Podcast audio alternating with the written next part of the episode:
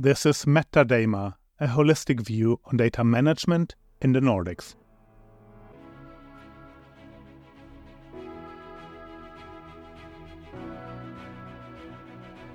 Welcome. My name is Winfried, and thanks for joining me for this episode of MetaDAMa. Our vision is to promote data management as a profession in the Nordics, show the competencies that we have, and that is the reason I invite Nordic experts in data and information management or talk. Welcome to today's episode of MetaDAMa. And this is a really interesting one because we're going to go deep dive into responsible AI. What is responsible AI about in your company? And for that, I have Ieva Martinkenaite.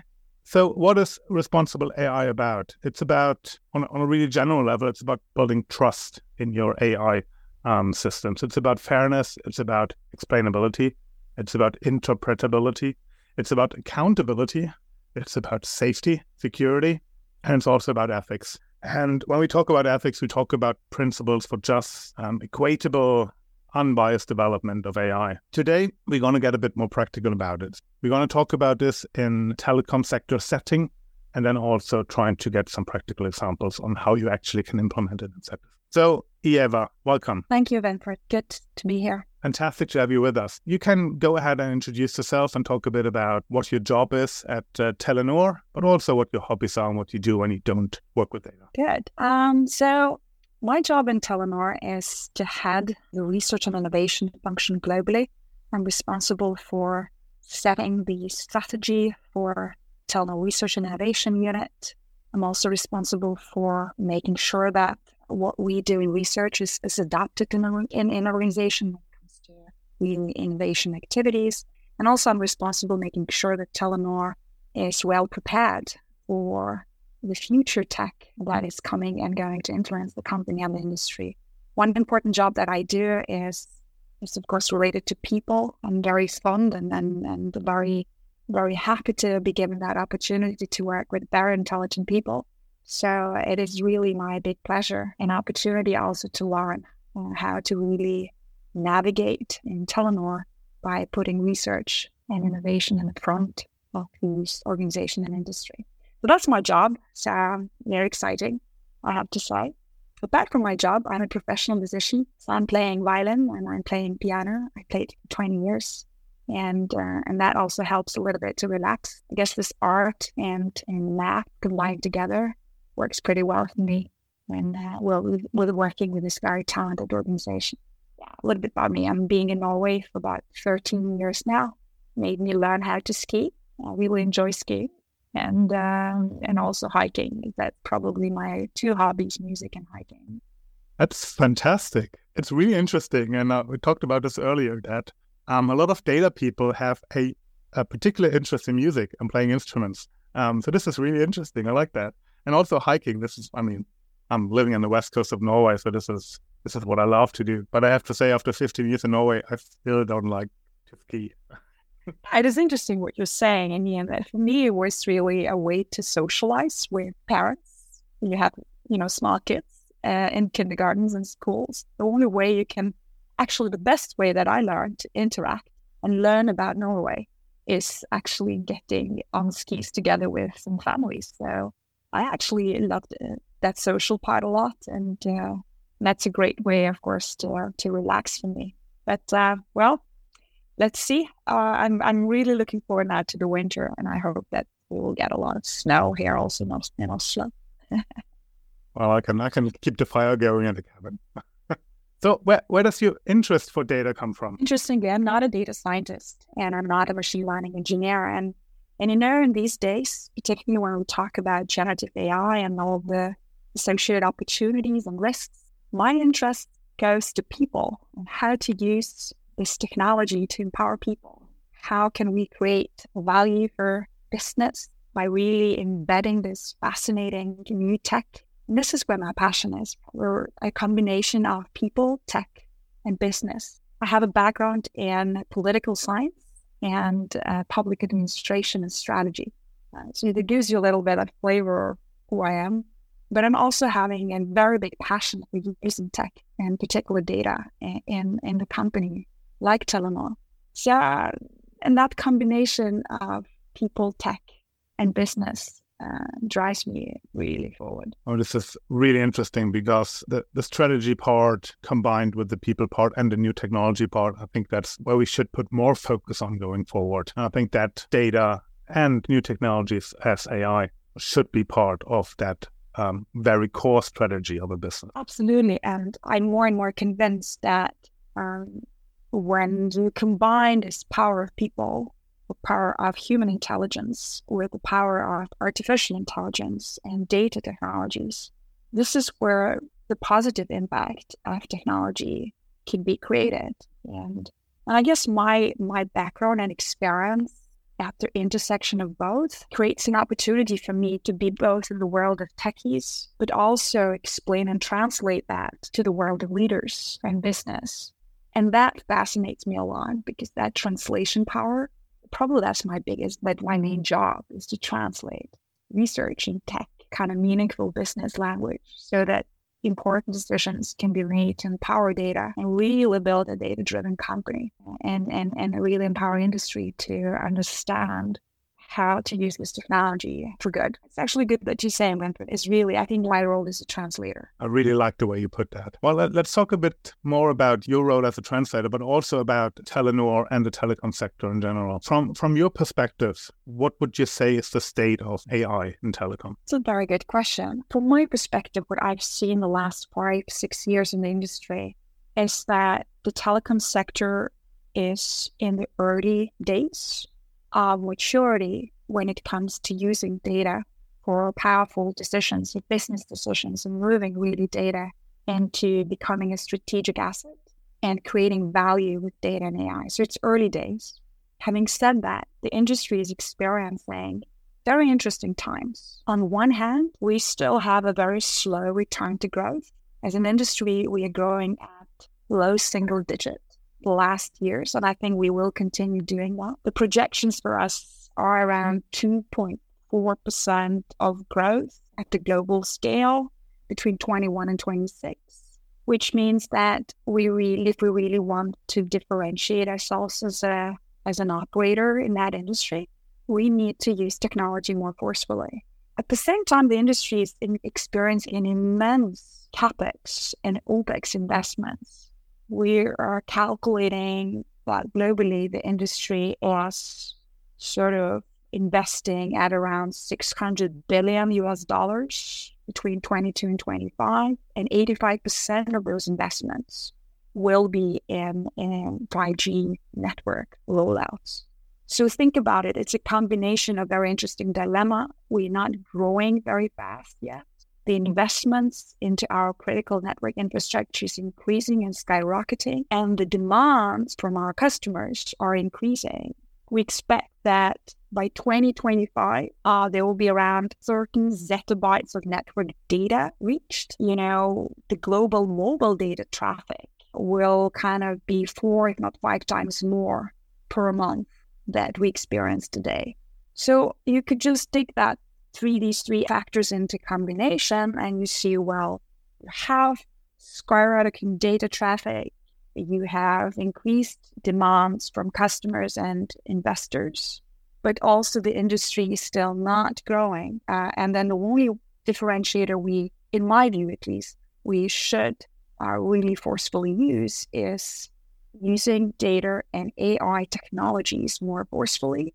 Number one to reinvent our customer experience we are not at the top of our class when it comes to interacting with customers yet. We need to use AI and data more forcefully into making our operations more efficient. And, and this goes from IT and product to really network operations that are a core asset. And then you need to also find new sources of growth. This industry really has to find new sources of growth. And I believe that data and and AI cloud, a combination of this, uh, will create this opportunity. So, in a nutshell, the industry in early days of adopting and scaling AI, it's a huge appetite now. I see the last couple of months, if not weeks, on really putting AI in focus and solving very obvious industry challenges, which is growth and efficiency and customer experience.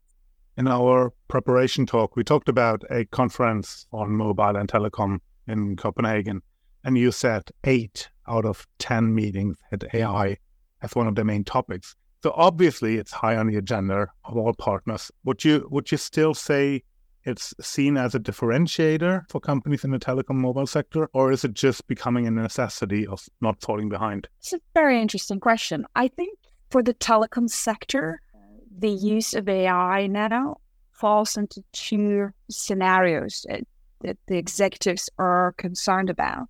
One is losing out. If you're not doing AI, you may lose out because everyone is doing AI. So, so, so we need to figure out what we need to do. So I think I, I see that's coming. And the second scenario is there are a lot of executives uh, that are uh, concerned about on uh, you know doing something really wrong that we are actually are on the right path of using data and AI to protect privacy of our customers, that we actually do uh, not uh, infringe the security rules, that we are not discriminating our customers and employees.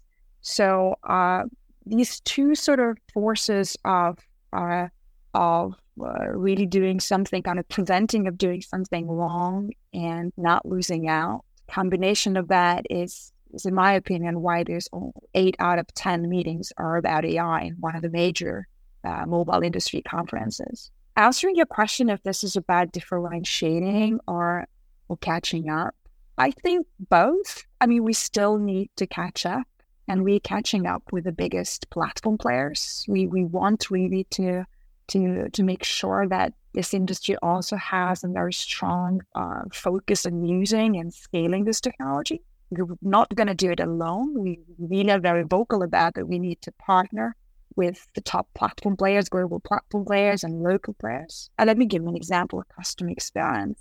If a telecom operator is not investing enough, in my view, in really changing the way we communicate and interact with our customers, and it will be automating interactions, it will be making personalized interactions, putting more intelligence, searching in our databases with cognitive search capabilities and responding in real time to customer needs. If we're not going to crack that, that code, I mean, we're going to lose big time. And that is a differentiator for now many operators that are trying to do their best to, number one, keep customer relationships. Number two, uh, make those relationships really appealing, powering that, automating some of these relationships, and and make customers like our products because this is this is the essence really of, of, of why we stay in the business. I really like that you pointed out the two two scenarios about losing out on the one side, but also the concern about doing something wrong and how can we protect our customers. We can say that I think I like this. Someone said once there are two concerns there's a concern of missing out and messing up. And I think what I like about it is that the consequence of this now is that AI is in the boardrooms of mobile operators. And we all try to figure out so how are we actually going to use our, our data capabilities and putting more intelligence and artificial intelligence and making decisions better and automating our interactions. So I guess that's a conclusion here that messing out messing up and missing out creates a very forceful dynamics. And I, I have to say, I'm, I'm, I'm really glad that it's not just that losing out is making it to the boardroom, but also the concerns about doing something wrong, the messing up. And um, when we talk about uh, responsible AI, I think we talk a lot about um, exactly that scenario, right? How can we protect the information? How can we ensure that we are as unbiased as possible in our in our work with AI? But to, to work with responsible AI, and we're going to talk a bit more about the framework uh, later and what your thoughts are about that. But before that, I would like to talk a bit more about your setup and how you are getting the um, organization in place before you go on an AI journey and what should be in place. So, first of all, what we learned in Telenor is that for building and scaling AI technologies in business, first you have to do is to create very solid data capabilities. you need to have cloud native data platform with very modern technologies continuously upgrading. You need to have our efficient, scalable storage and processing capabilities and tools in place. And you need to have data governance structures that would ensure accessibility to data and use of data in a secure, privacy friendly, ethical way. So for me, we have to make, make sure that some of these, at least no regret moves are made on data platforms and, and of course associated skills because there are always people behind it. And and then or in parallel when you have some some minimal data capabilities in place, which to me is like multiple data sources, sort of sourcing the data and making sure that the data comes into one kind of under under very well defined governance, that you have some storage and processing rules and tools in place. When that is in place, then you can start building more sufficient AI capabilities. But that's one part, really, data. And I have to say that, you know, with all the hype about AI, I, I sense that the data part's being forgotten a little bit. Like, it's probably not very sexy and it's not really very hyped. But this is the hard work that will need to be done, anyways. But then, apart from data, you can't do anything if you don't have people in place who understand, who are able to translate, who are able to source technologies from partners, who are able to build some stuff. I'm a strong believer that you need to have strong people culture around data, and that doesn't only uh, go for data engineers and data scientists that we have. It actually goes to uh, marketing managers, sourcing managers, general uh, understanding of data that needs to be in place. So skills and competencies probably at some level need to be in place to understand. So why do you spend time on data? Why do you need to kind of source it well? Why do you need to structure? Why do you need to govern? Why do you need to have a chief data officer in a company? I mean, these kind of questions need to be internalized in organization. So if you have a combination of good skills and understanding and awareness of the importance of data as a strategic asset, if you have data capabilities, it's minimal no regret moves in place then you can start building our responsible AI capabilities. And, and by the way, for me, responsible AI is, is a fundament, and it's a fundament what we do. You have to make sure that you use the data in a non-discriminating way. You need to make sure that your customers' data are secured. You need to make sure that you're not that you're securing the, the for us it's critical infrastructure. That's a given. And you need to make sure that you actually act sustainably, that there is actually a very important social impact that you make with AI. So responsible AI for me is really a fundamental principle of how we do business and why we exist. Uh, I don't really like sometimes when people say, well, responsible AI is just one pillar among many other things. So we tick off some of these, you know, questionnaires and we get to go. I start more, believe more and more that this is really a way of work. And, and the responsible AI by design is what probably, and I believe, is what companies should do. Fantastic. And I really like, oh, that was uh, smiling throughout the entire part because it really resonates with me. Not just that a responsible AI should be a basis to work from. And I think we're going to talk a bit more about uh, what you mean by responsible AI by design later on. But it's also about the data structures that seem to be forgotten that really are important. And if you, you talked about data governance structures in place for accessibility, use and secure, uh, privacy friendly, uh, ethical ways. And I think a lot of the classic data governance structures that every company should have in place are also mm-hmm. viable for AI. There's no big difference. I mean, there's some difference in how you govern your machine learning models compared to your data, but the basic idea behind it is the same. Absolutely. I just read the last BCG study. I'm sure you you shared on your LinkedIn account. And what it says is that they made a study of top executives. They, they probably they did a survey of 2,000 executives. 50% of those executives are still concerned about the use and deployment of AI, and their biggest concern is the lack of traceability of data. So for me, this part of the governance or or data and machine learning models is part of responsible AI by design. But let's talk about it a little bit um, later. What what we mean by that know, there could be many things, but I, I totally agree that you know we need to one understand what are the risks and why we're talking about responsible AI these days. And then, second, find a way we recreate that responsible AI by design as people find it very useful in, in making an impact for good. So um, I think uh, I think I would be more than happy to learn that how companies are actually moving from principles to practical use of this and ensure that um, that we have both ethical and and compliant you know way of actually handling these risks. Before we go more into detail there, uh, there's some pre-requirements in my mind that I think we need to talk about. And you talked a bit about concerns of uh, top management from your perspective, top management to middle management. What is needed in terms of understanding, knowledge, and commitment to AI to get to that mindset that we just talked about?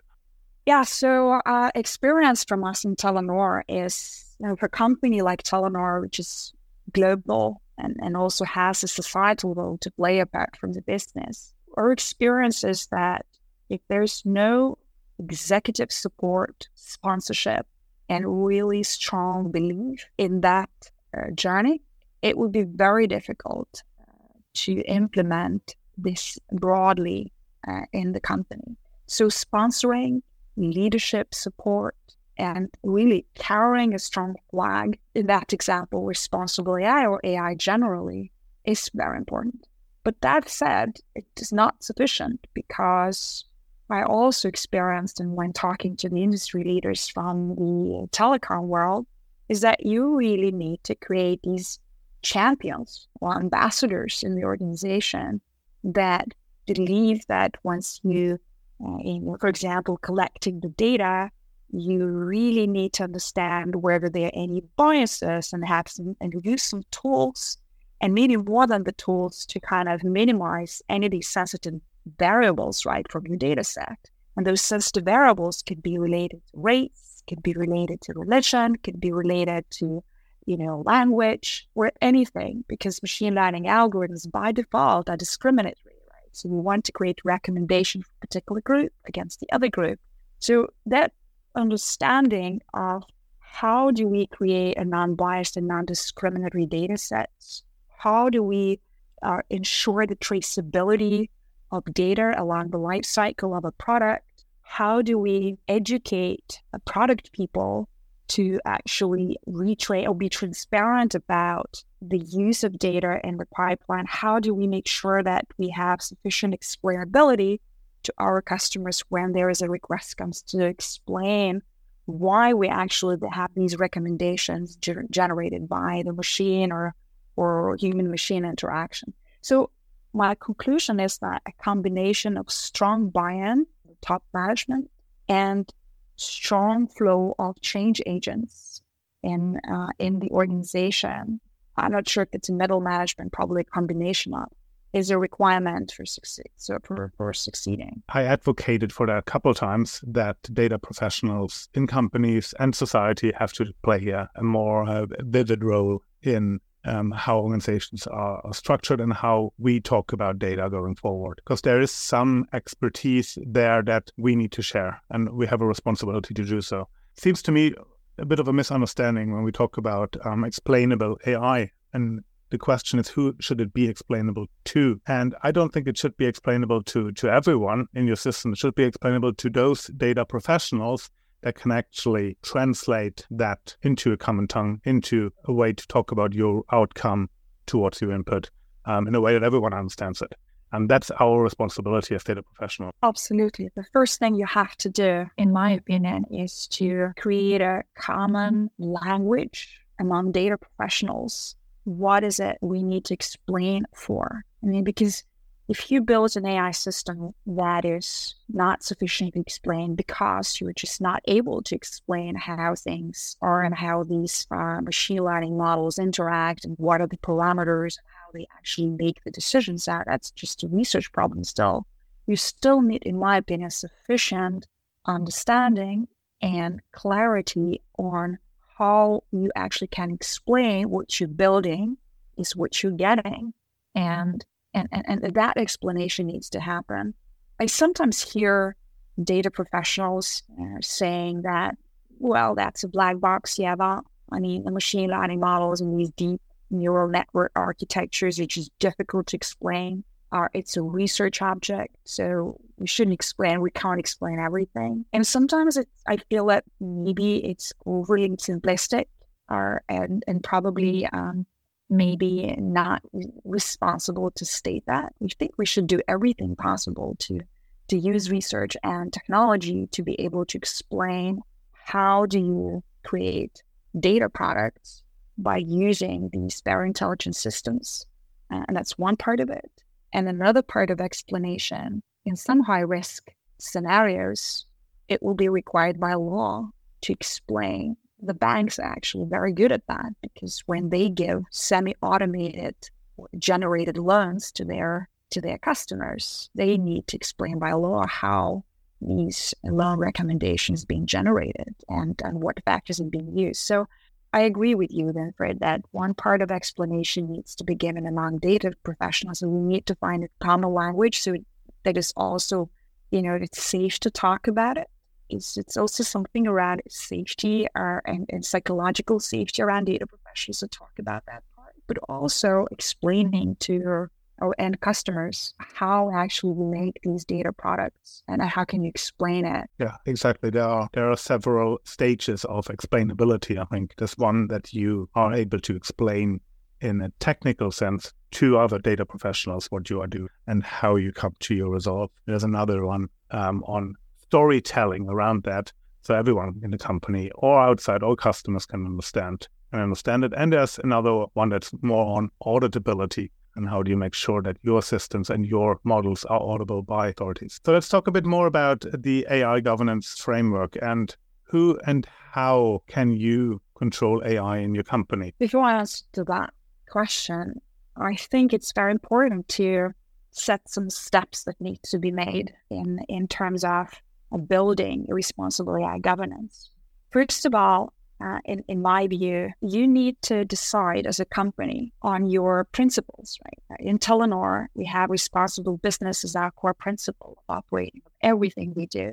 We have very uh, elaborated security uh, rules and, and policies. We have privacy policies. We have also very ambitious environmental and sustainability goals. And all of that for us is is the way of work. So responsible business is, is, is one of our fundamental values. And I think for every company, it's very important to start from there and say how and if responsible AI governance fit into our core principles.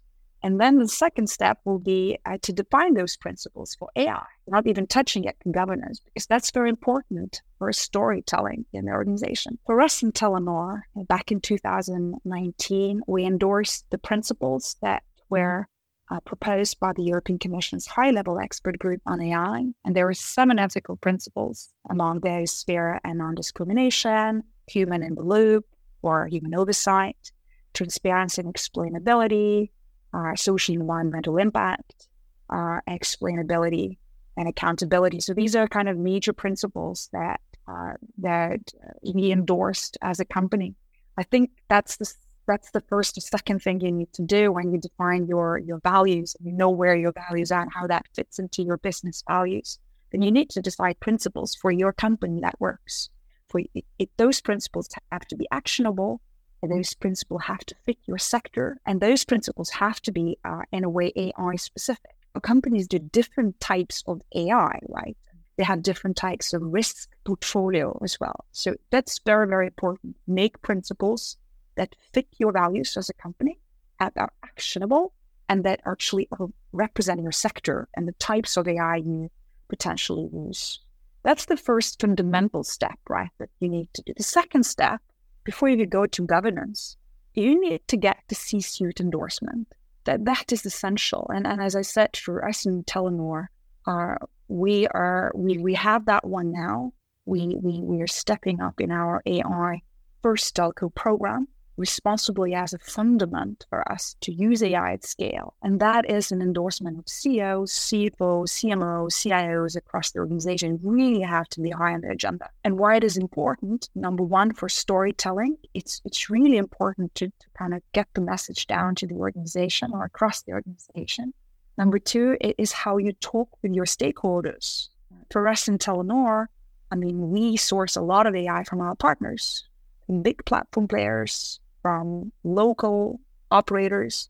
And this is also important when we say we are going, we're not, instead of giving an example, we're not going to use biometric facial recognitions in public spaces. We're not going to be associated with that. For example, if we say that, then we pass on the message that we would not like to source that technology from any of our vendors. Or we want to actually make sure that we uh, adhere to our sustainability targets and making sure that our the uh, the AI software that we're buying is actually generated in uh, green data centers or with very dedicated view of how actually companies can reduce greenhouse emissions because we actually have that target already in our climate ambitions when we source any tech. That endorsement is essential from the top management. And then we go to the governance part, right? For me, it, it seems that what is important when you set the governance, and the governance is basically the playing rule, the playing ground, the organizational and operational model of how you actually implement responsible AI in the company. But that involves also very strong bottom up process. We now use questionnaires uh, where we actually ask, identify our high risk scenarios for implementing AI in our company. And then we, we try to actually run these, uh, you know, a little bit like self governance systems where we try people to, uh, to push some questionnaires and sort of see if, if, if this is where if for the data practitioners, for example, how do you source the data? How do you ensure the non-biases? How do you, is there a high risk scenario or not? So this part will be important anyways, right? So, and then training and awareness. This is this to me is parallel. Any governance structure will be uh, successful if we not really have a very strong training and awareness. And training goes to data professionals, to those uh, responsible ambassadors, and generally to everyone in the company. And then I think when you have these sort of these enablers in place, you have some questionnaires and tools, you have endorsement from top management, you have really are clear principles and actionable principles for you as a company, what it means to do responsible AI. And then you also have, you know, the training and awareness built. Then you build an organization or governance structure, right? This is for me a, very important uh, story to make. And then we can talk about the governance, right? So what it is really, how do you set the rules? Who's how? What are the roles? You know, what are the principles? What are the practical guides? You know, all of this. But first, because because why I'm saying it, because there's still a lot of fear in organizations on using AI.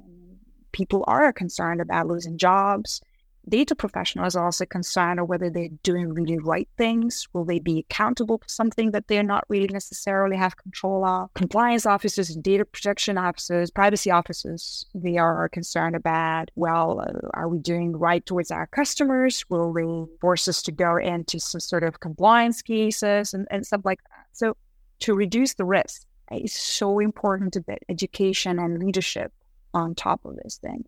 And then you can ask questions about governance part. Don't know if I'm clear enough. Oh, definitely. I think before you can go into the governance part, you need to get some direction. Um, and I think this is a really, really nice way of putting it. I really like this one. What I see in AI at the time is that there's a lot of interest, there's a lot of excitement, but there's also a lot of what we call fog of war. We don't really know what's going to happen one year down the road. So to plan towards that and to have a strategic ambition to say, okay, this is where we're going to be in one year is really hard.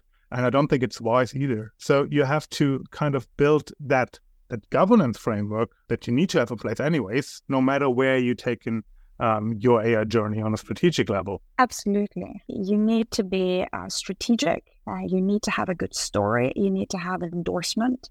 And then before you get into specifics of how you're actually going to govern this use, you also need to be very pragmatic. What I'm concerned about is that companies will create very big governance structures and hugely are driven by, by the way, with all respect to lawyers and DPOs, I'm, I'm not saying anything. These really great, great people. But but if we create these kind of huge structures saying, hey, this is not, you're not allowed to do that. You're not allowed to, you're prohibited to use this. I'm concerned that the, our, the innovation part, the usability part, the, the actual, our uh, value creation part will be lost. And this is the biggest trade off we always have, right? How do you create rules that still allow you to create data products and in a responsible way? So, my bet is that you need to get to the data professionals. These are your core people that needs to be listened to. Uh, they need to also have some some wish and maybe a little interest in this area. And once you have a combination of these people who really know how to build stuff, who really know how to work with data, who are actually on the meat, if you like, with that endorsement, you know, investment into education and skills, then you can make uh, a difference in my governance framework that works and governance framework that ensures the ethical, non-discriminatory, human-centric, privacy, security grade solutions. Absolutely. Yeah, I think this is um, a we we are at a stage where we have to uh, kind of manage or balance the the fear on the one side and um, the excitement on the other side. And I think that AI governance framework should not be more than a safety net at this time to fight those insecurities um, that people have, but to also give them the possibility to gain more understanding um, and with knowledge comes a bit of security as well, right? I always use this example that if you have a human error, you don't know how big the human error can be. But if you have a machine error, you can say, well, there's 10% error chance, right? And this gives more safety than not using machines. Absolutely. And also the domain or the use, right? We use, we can use a recommendation systems for creating the best offer to our customers. And here you would use a combination of human and artificial intelligence, right? You could use also the um, classification systems on our mobile network infrastructure where you would classify the typical anomalies appearing or the typical threats from external actors that would like to compromise our our you know infrastructure and the, the quality of network we're providing to our customers. These are very different scenarios in terms of risk in my head. Or you could even think of using machine learning to profile individuals or employees, or in terms of profiling, I mean, develop those employees further based on their historical data of where they were, what kind of uh, jobs they have, what kind of development journeys they have, and also recruits and police. Very different risk profiles that require responsible AI governance for. So, my learning here is that when you build governance structures and you take some self, for example, assessment questionnaires as an example, right, to data practitioners, you need to differentiate between severity of impact scale of impact, so how many people or customers will be affected, and the likelihood of that risk to appear. So I really like to see some sort of differentiation going when you create governance structures. There needs to be some fast track solution. There is AI that has low risk potential in terms of likelihood of appearing, scale, or severity of impact. But there is, by type of data the machine learning system use, and the type of machine learning system that's used that create the severe risk for us in Telenor, anything that has to, and for many companies, by the way, anything that has to do with our people and meaning HR functions, it's a high risk uh, use case area. Anything that it has to do with cybersecurity and prevention of those threats uh, appearing in our critical network infrastructure is a high risk use case scenario. But there are AI that is going to be used, marketing and sales, perhaps some IT operations where that would be of low risk. Generative AI, for example, there's a pot- huge potential to use our, you know, GPT memos on our inventories, be it in a finance function, be it compliance function. We still use a lot of time to finding documents, summarizing documents, finding the right contextual information from the documents and using it for decisions. This can be solved with generative AI and at the low risk, in my view, scenario. So we should provide the governance framework should provide uh, a, a, faster track, a faster implementation track to those use cases. So this is also very important to differentiate. I really like this because the, that mindset fits very well with what the European Union has um, in their AI Act, um, that risk based approach to AI. And this also gives us a bit more of a practical way of um, so, how do we get from principles into action, right? So, how do you assess risk around, for example, ChatGPT, as you already talked about, or or Microsoft Copilot? Yeah, so there are two parts of risk assessment. There is a compliance part where we need to comply to the existing or upcoming law. It will always be in the minds of DPOs and CSOs uh, in the companies. They will always have to start writing risk assessment frameworks and building governance around legal kind of compliance. That's one part of it. I'll come back to this. But another part of it is ethical compliance that goes beyond law. Uh, for example, uh, for low risk scenarios in AI Act, are ChatGPT used for internal inventory document summaries. You are not required to explain or be transparent to our customers. That's not a requirement and will not be. But the question is more would you like to invest more into creating that culture in your organization among data professionals to actually have the explainability built around this or, for example, there will be some requirements that will be minimum requirements for environmental sustainability. I mean, you want to make sure that you train and test your machine learning algorithms in a sustainable way. You use less energy. You don't really want to, to run these large machine learning models uh, on large infrastructure and compute. Some of this will be required. So the question will be to you as a company, would you rather invest in building smaller models dedicated models maybe for your domain or your industry, and in that way move the needle to more ethical and sustainable. That will not be required for you by law, by the way, not necessarily, but that gives you a higher standard. And not only as a company, but for example, as Telenor, we are also a very important societal actor. We are a company that is 54% owned by the state. So we have to also create and bring higher standards to the governments and to our, you know, towards our customers and employees so that we actually having a high bar. So first of all, how do you put it to principles to practice? You need to to tell very honestly to yourself why are you doing it. Are you doing to satisfy the compliance obligations? And this is important. But is that what you're actually trying to do? Or in addition to that, you want to actually walk the talk and you build high ethical standards, not only as a company, but also in industry. That's the first thing you need to do. And then you need to create some sort of frameworks and pilot. You know, it's it's very easy to say we're going to build these big structures, but you need to pilot.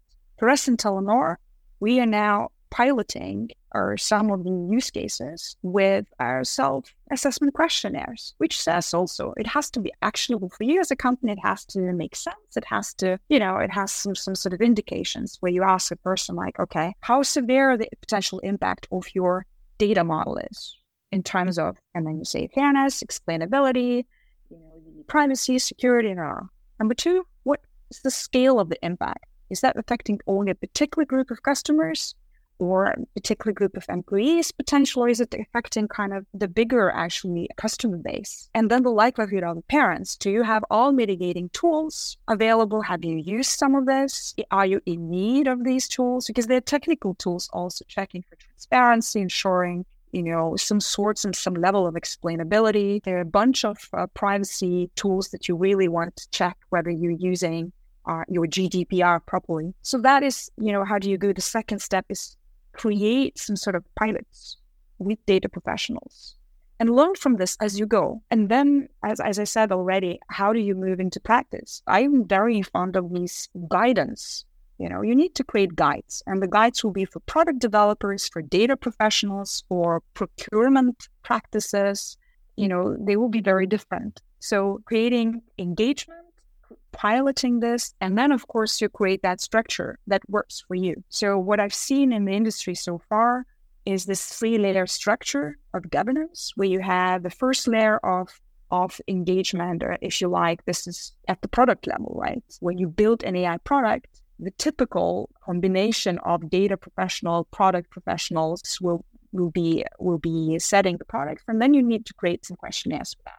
The second level is probably around expert support. You need to have those responsible AI ambassadors. If those problems are not solved with data professionals, so they're really not sure which tools to use, they're not sure if this is a high risk profile or not, then you bring it up, right? And you have to have some expertise around it built over time.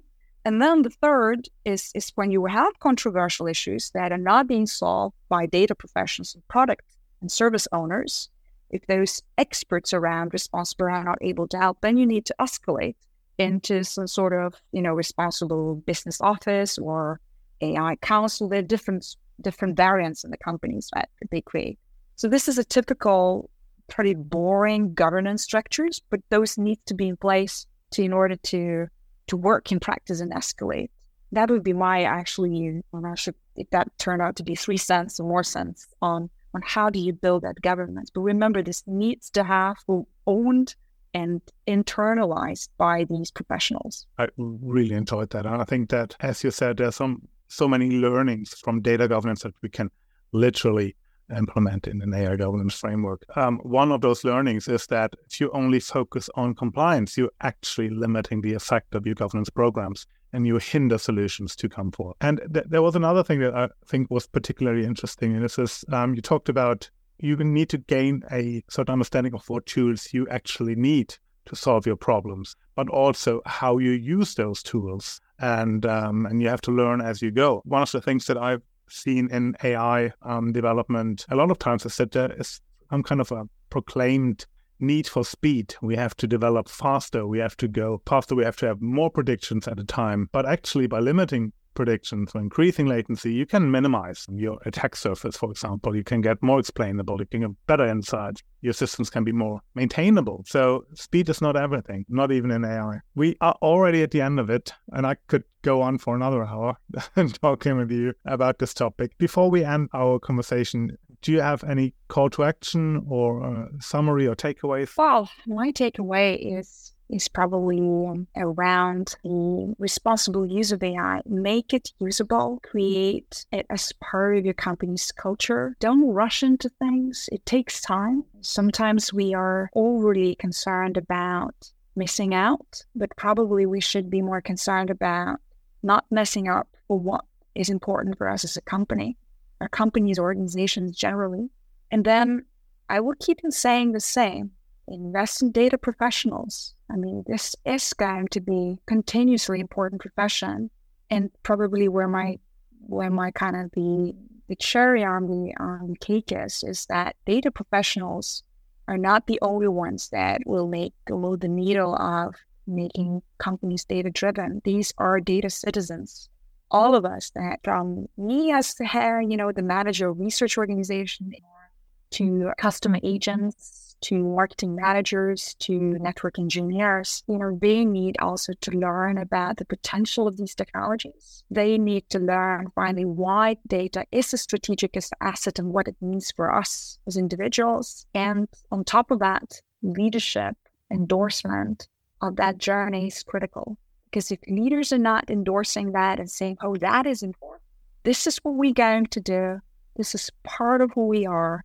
and this is part what will lead us to business and, and, and value creating in business, then uh, there will be very little that's possible to do.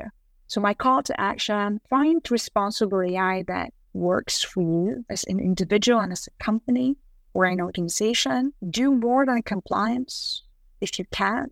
Reach out to ecosystem of experts and learn. And at the end of the day, it is about playing safe for innovation that you want to make society do good. This is very important. And so let's go for it. Let's not make it a big burden. Sometimes it's just go, oh, they are creating so many rules here. Oh, they're going to create this dinosaur around us. I'm not going to be part of it. So no, it, it is about uh, in, empowering the people are making good decisions. And I'm sure you, Winfried, as a data professional, uh, you are more than uh, motivated to do good. I mean, this there's no need to do evil. I mean, we all want to do good. So when it comes to collecting data, processing data, structuring data, building models, I mean, so let's make it happen. Uh, and uh, and that will be my call to action. It was really good to talk to you. Thank you so much. Let's make it happen.